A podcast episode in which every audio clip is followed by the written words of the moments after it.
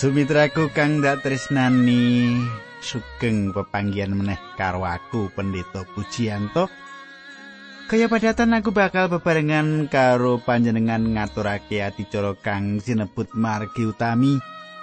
Margo kang dadi utama awit aku ngaturake perkara-perkara kasukman kang nguwatake urip panjenengan ana ing jagat iki kanthi gondelan pangandikane Gusti. Awit saka iku pangarep-arepku panjenengan tansah pinayungan dening Gusti lan tansah pikantuk berkah kang ndadekake kuwate urip panjenengan. Sugeng midhangetake adicara iki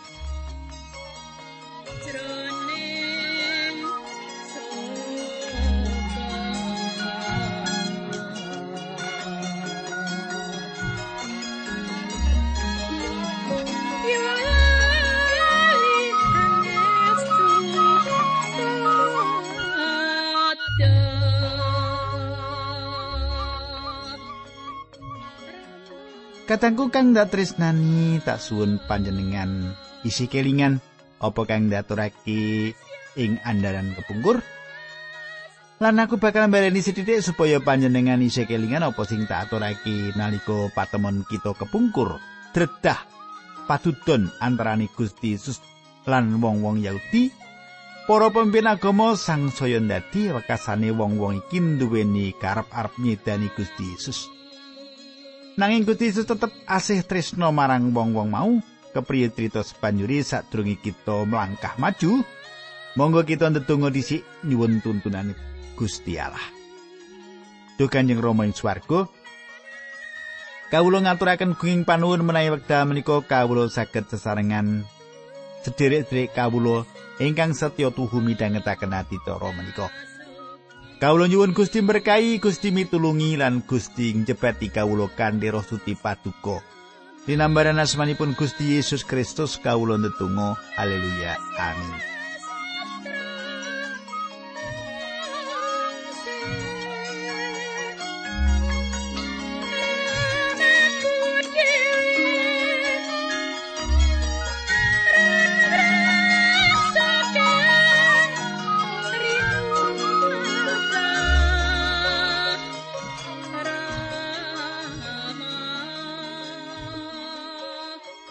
Kadangku panggegilut kita dina iki mlebu ing pasal songo saka Injil Yohanes. Panggegilut kita pasinon kita dina iki mlebu ing pasal songo Injil Yohanes. Gusti Yesus wis maringi piwulang yen panjenengan iku pepadangi jagat. Lan uga panjenengan iku Allah. Mula wong-wong Yahudi adreng banget karepe kanggo nyedani Gusti Yesus. Kanthi ora dingerteni sapa wae, kanthi sesideman Gusti Yesus nilarake pedalaman suci. Kepriye nggone Gusti Yesus bisa lolos saka pangepungi wong-wong sing lagi ngamuk iku luar biasa ajaib. Wektu durung tekan titi mangsane mula wong-wong iku ora bisa tumindak apa-apa. Para mungsuhe Gusti Yesus padha ora bisa ndeleng Gusti Yesus jalaran wuto mripat rohani ini. Wong wuta ora bisa ndeleng apa-apa senajan ing cedhake ana sang pepadanging jaket. Panjenengan Gusti Yesus ngersakake supaya wong-wong padha ngerti sapa to panjenengan iki. Sadurunge wong wuta iku bisa ndeleng mripate kudu diwarasake dhisik. Nuli sunare terang iku bisa ndeleng pepadang iku ana sing nampa lan ana sing dadi sumbere. Yen ana wong sing ora bisa ndeleng pepadang, iku ora teges yen pepadang ora ana. Pepadang iku nyatane kahanane mripate manungsa. Pepadangi jaket iku bisa gawe jelas kahanan jiwane manungsa. Wong-wong Parisi iki padha ngaku yen secara kasukman bisa ndeleng nanging kanyatane padha buta kasukmane uga. Ana sawijining crita bab sawijining tambang sing mbledos. Katilakan iki ndadekake kahanan ing tambang iku peteng dedet telimengan.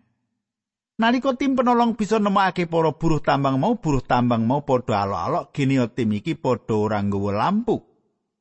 Katangku, kabeh anggota tim penolong iku nuli nyawang para buruh tambang mau lan kahanane para buruh mau dadi wuta jalaran pambledose tambang. Ing sajroning kahanan sing peteng dedet telimengan para buruh mau ora sadar yen wis padha picak padha wuta. Pepadang bisa nyatakake marang para buruh tambang lan tim penolong yen kahanane para buruh tambang mau pancen wuta. Iki sing dikersakake Gusti Yesus ing ayat 39 saka pasal iki. Pepadang jelasake apa sing saknyatani. Para buruh tambang mau padha nandang wuta nanging padha ora ngerti yen wis wuta. Bareng ana pepadang lagi padha ngerti yen wis padha wuta mripati. Kewajiban kita ngabarake kabar kasukan sabdane Gusti. Roh suci bakal makarya ing atine wong sing padha krungu sumarah apa sing dadi keputusani. Sabdane Gusti kaya dene pepadang sing bakal nyunari atine menungso sing isih buta marang kayekten.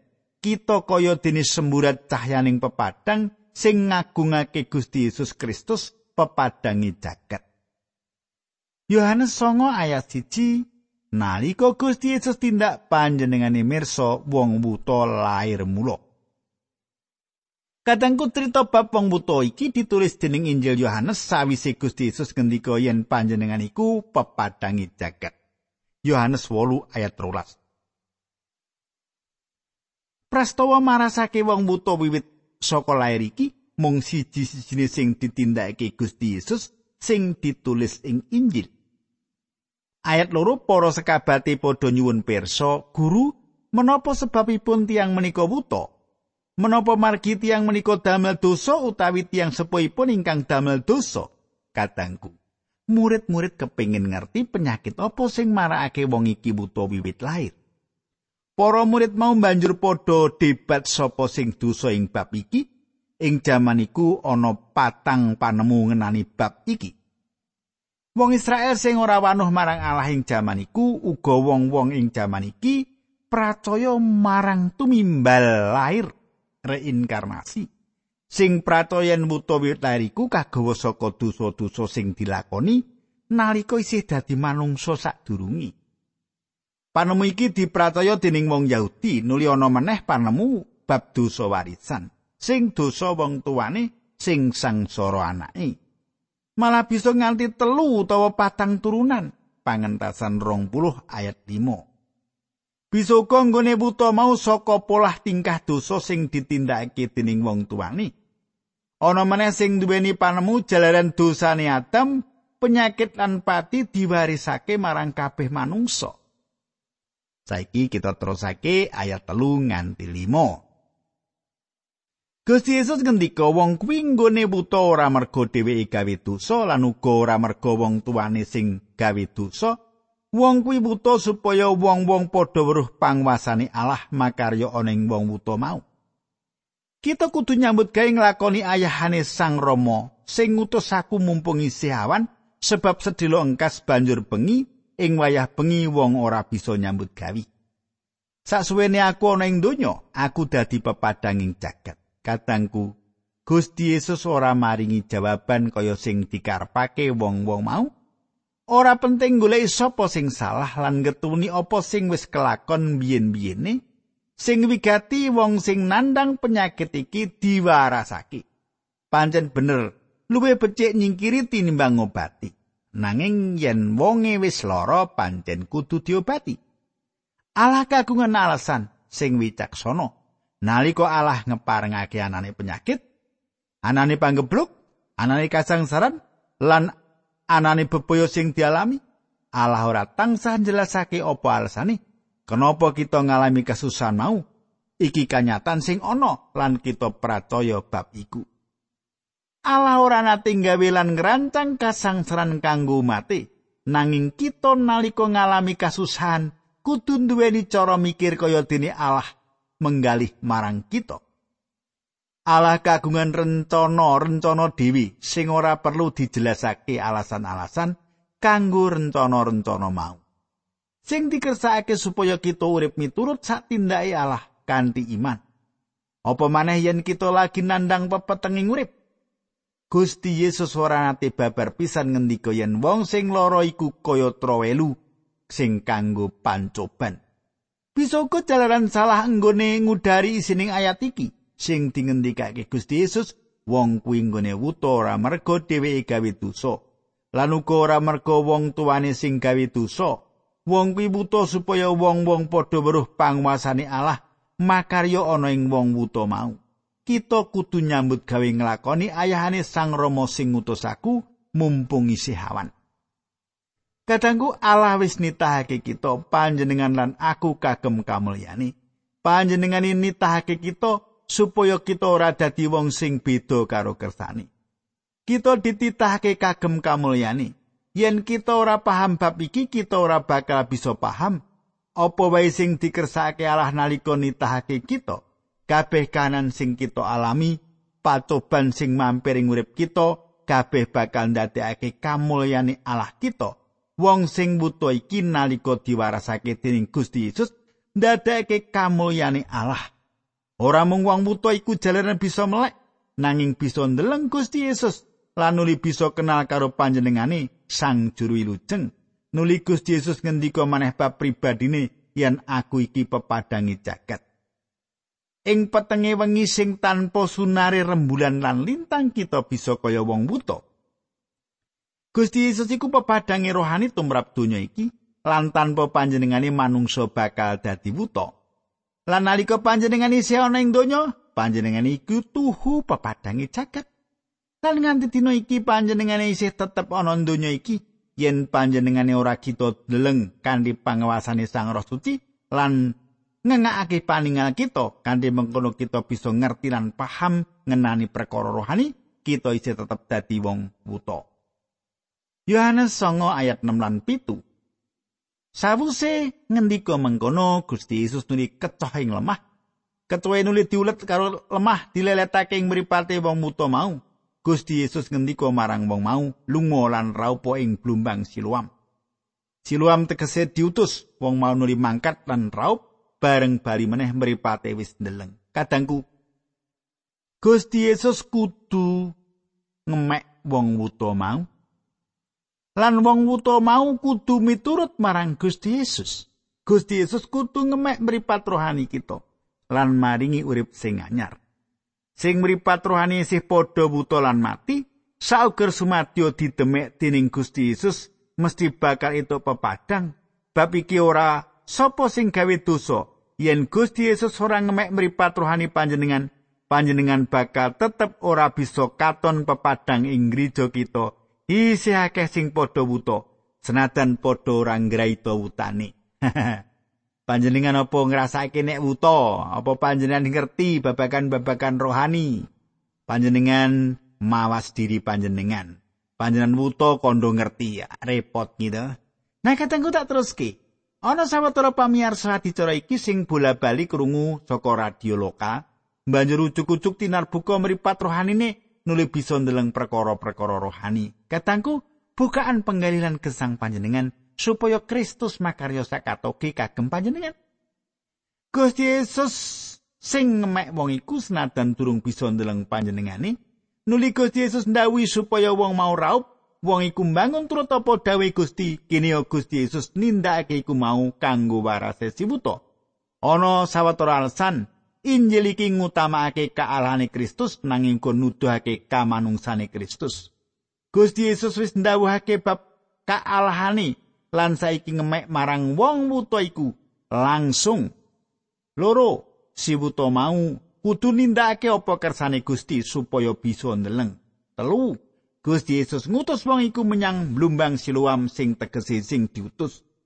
Ya saka blumbang Siloam iki ana paseksi kagem Gusti Yesus yen panjenengane pancen sing diutus dening Allah Sang Rama. Bisa uga Gusti Yesus arep paring jelas yen panjenengane diutus dening ramane lan panjenengane nuli ngutus wong wuta iku. Papat, wong wuta iku merlokake banyu supaya dheweke bisa katon sing dideleng. Banyu iku lambang sabdane Allah kaya sing akeh ditulis sing kitab suci. Ora ana wong mratobat sing ora kanthi ngerti sabdane Allah. Para wong Yahudi iki merlokake paseksi iki. Wong Yahudi kudu ndeleng Gusti Yesus ing kamanungsane marasake wong wuta iki sing diutus dening Sang Rama. Cara sing ditindakake Gusti Yesus nalika marasake wong wuta iki ora penting. Pribadi sing nindakake iku sing penting. Yo panjenengane Gusti kita Yesus Kristus sing melekake wong sing buta wiwit lahir. Bagian sing kudu ditindakake wong buta iki mung sumarah apa kersane. Pracaya lan mituhu Gusti Yesus ngagem cara cara liya uga kanggo marasake wong sing kena penyakit. Yen nenggone marasake kanthi ngemek marang sing loro iki padha karo meksa wong sing loro ngalami pengalaman sing padha nalika kawarasake dening Gusti Yesus. Ing jaman iki akeh wong sing buta, padha kepengin diwarasake kanthi upacara agama utawa cara liyane supaya mripat kasukmane bisa waras lan entuk kawilujengan. Nanging sing wigati sowan marang Kristus pracaya marang panjenengane lan mituhu apa kersane. Kahanane wong buta iki padha karo kahanan kita manungsa dosa iki sadurunge diwilujengake. Siji, Wong buta iku ana njabane pedaleman suci pisah karo Allah. Ing Efesus 2 ayat 12, kita iki wong ngamonco yen dilaras saka aturan-aturan sing dijanjake yen kita iki padha ora duweni pangarep-arep lan padha ora duweni Allah ing donya iki. Ya iki kahanane manungsa sing durung kawilujengake yen tanpa Allah ora ana pangarep-arep lan kita ketriwa. Nomor loro wong iku buta. dhewekne ora bisa ndeleng jur wilujeng.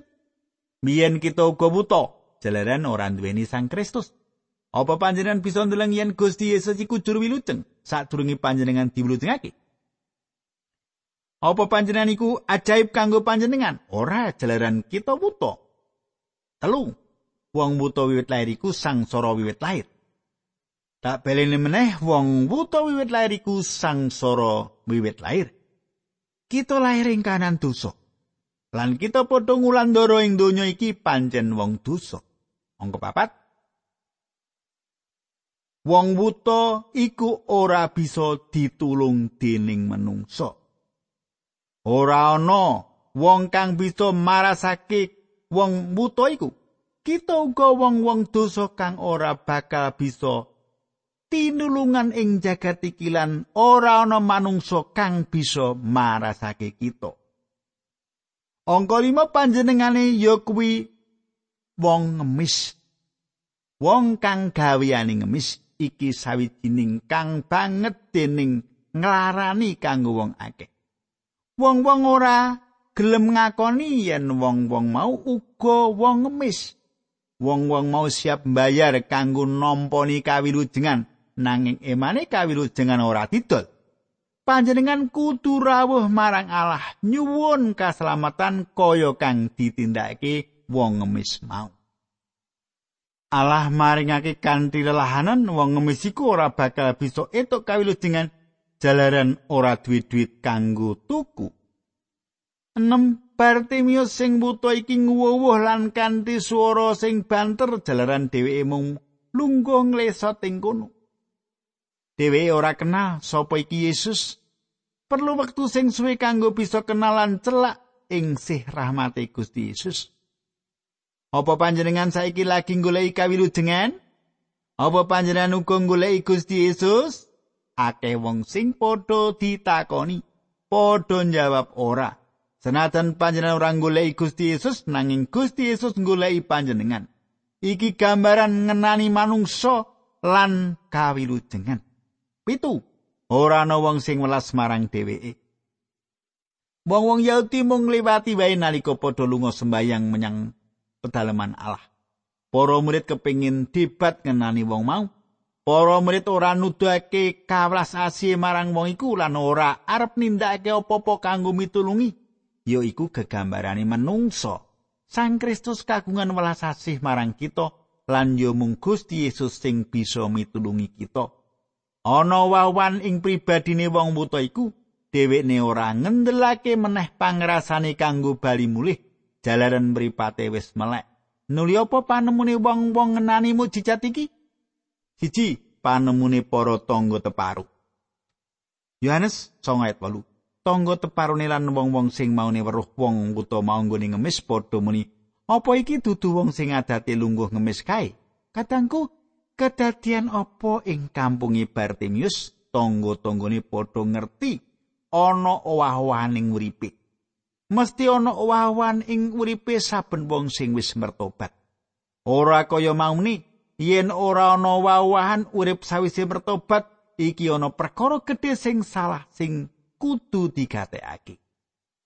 Yohanes 9 ayat 9 nganti 11. Ana wong sing muni pancen ya wong kuwi nanging ana uga sing muni dudu mung rupane wae sing memper nanging wong utama kondo dhewe inggih kula menika ingkang rumiyin wuta wong-wong padha takon kepriye kok saiki bisa kok nggo ndeleng wang sulani wonten tiang namanipun Yesus damel luluan siti sekedhik lajeng leletaken luluan wau wonten ing mripat kula.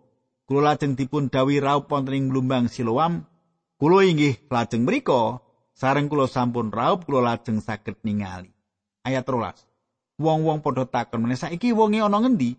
Wong sing maune wuta mamang sih kula mboten ngertos. Kadangku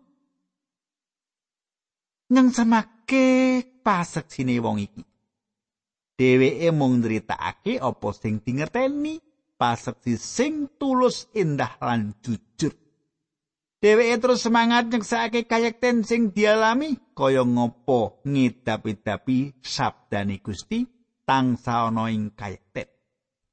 Dheweke ora kandha yen Gusti Yesus mundut lebu banjur ya sapa wong wuta iku ora ngerti apa sing ditindakake Gusti Yesus. Sing dingerteni mung Yesus sing leleti mripate iki paseksi sing jujur ora ditambah-tambahi. Utawa digawe luwih apik ketimbang asline kawilujengan iku bab sing prasaja. Sowane ngarsane Yesus lan ngalami kuasane Allah, wong iki ora tau ketemu Gusti Yesus, nanging Gusti Yesus ngemek mripate sing wigati ing kene yaiku ora mung kepengin ndeleng Yesus nanging percaya marang Yesus. Sumitraku, kita tutup kanthi pandonga. Ayo kita ndonga tak pungkasi semene dhisik diterusake ing dina candhai. Duh Gusti Allah ingkang kawula sambat sebuti wonten asmanipun Gusti Yesus Kristus kawula ngaturaken kuing panuwun. Menawi wekdal menika kawula saged sesarengan midhangetaken sabda patuko. Kawula nyuwun Gusti berkahi dinambaran asmanipun Gusti Yesus. Kawula ndedonga. Haleluya. Amin